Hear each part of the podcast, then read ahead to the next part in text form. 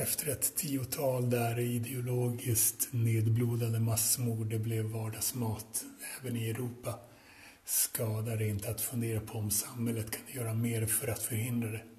En rasistisk terrorist skjuter avsiktligen ihjäl 77 människor för att sprida ett politiskt budskap, men terroristen ska hållas vid liv. En fundamentalistisk terrorist kör avsiktligen ihjäl fem människor för att sprida ett religiöst budskap, men terroristen ska hållas vid liv.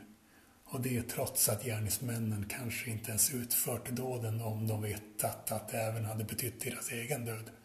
När det bara är dödsstraff som kanske hindrar uppenbart samvetslösa människor från att genomföra på Facebook livesända massmord bör man återinföra det.